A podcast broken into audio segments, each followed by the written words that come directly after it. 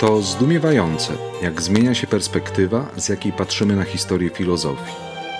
Nasz wzrok ogniskuje się najczęściej na największych postaciach. Wszystkie inne usuwają się w ich cień, stają się niemal niewidoczne. Dzieła, które czytały nieraz całe pokolenia, dzieła komentowane, budzące niekiedy kontrowersje, najczęściej popadły w niemal całkowite zapomnienie. Tylko specjaliści znają dziś dorobek takich myślicieli jak Pierre Bayle, John Toland, Anne Conway czy Anthony Ashley Cooper, trzeci hrabia Shaftesbury.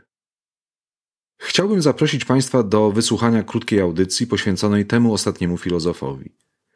Bezpośrednim powodem jest mijająca w tym roku 350. rocznica jego urodzin.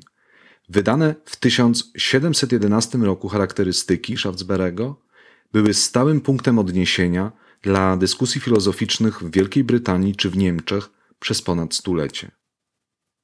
Co niezwykle ciekawe, dziełom publikowanym za życia Shaftesbury'ego, eleganckim i pełnym literackiego polotu, towarzyszą wydane dopiero współcześnie notatki, będące zapisem surowych ćwiczeń moralnych, których celem jest kształtowanie charakteru.